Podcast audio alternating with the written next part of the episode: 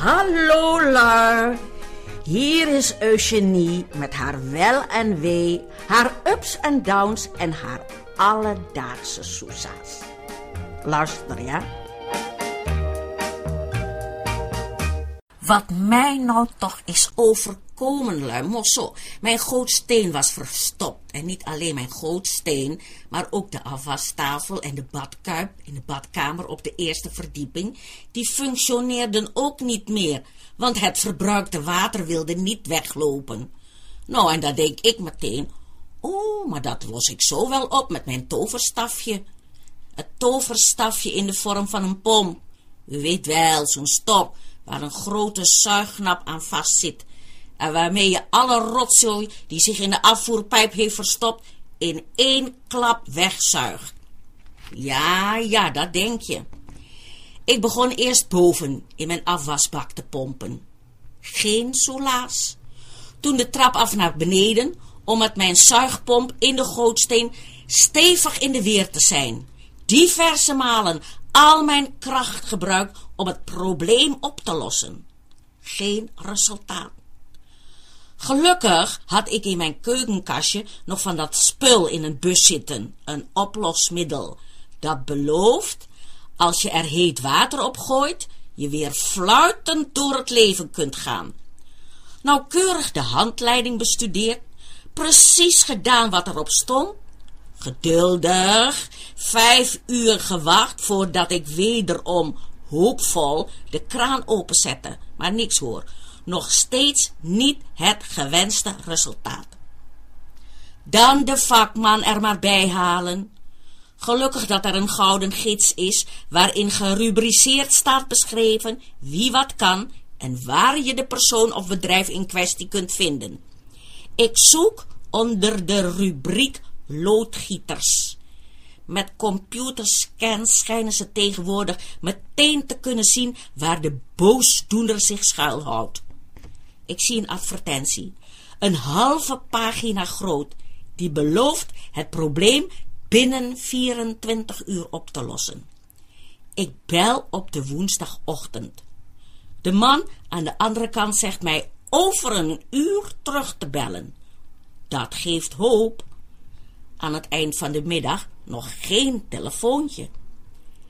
Tegen de avond douche ik mij tegen beter weten in, in de badkuip en sta tot ver over mijn enkels in mijn eigen badwater.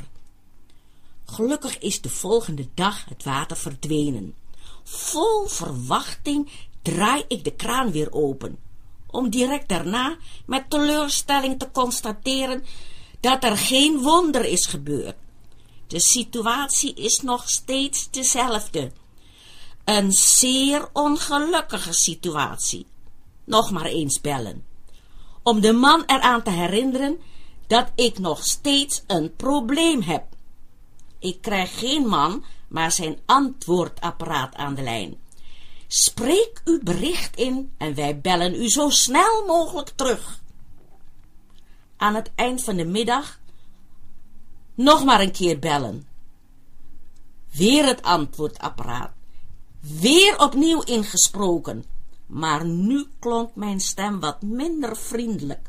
Ik hoor mijzelf zeggen dat zijn advertentie mij belooft dat er binnen 24 uur hulp geboden wordt, maar dat er tot nu toe nog steeds niets gebeurd is. Het is inmiddels vrijdagmiddag, als ik besluit om maar een ander loodgieter te bellen. Deze zegt dat hij wel wil komen, maar dan wel pas op de maandagochtend. Nou, vooruit dan maar, want in de weekenden liggen de tarieven immers 50% hoger. Ik heb met bakken vuil afwaswater gesjouwd om het in het toilet te gooien. Mijn vaatwasmachine raakte overvol en ik merkte dat het al aardig begon te ruiken.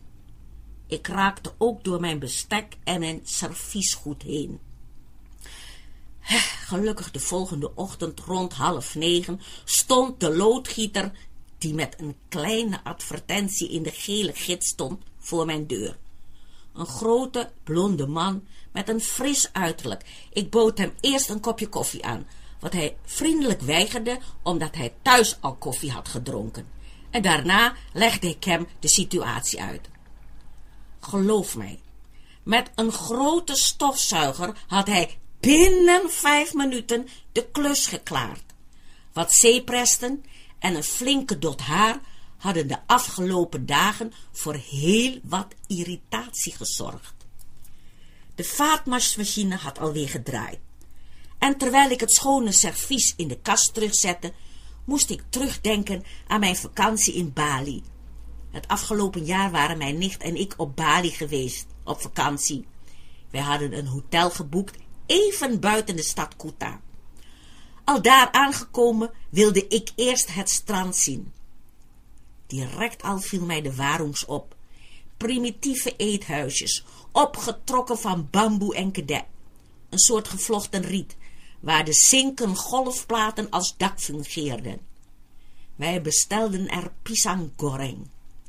Nadat wij hadden afgerekend, slenterden wij langs de zijkant van de Warungweg en ik zag hoe een man, hurkend op de grond, in een klein afwasstijltje de vaat deed.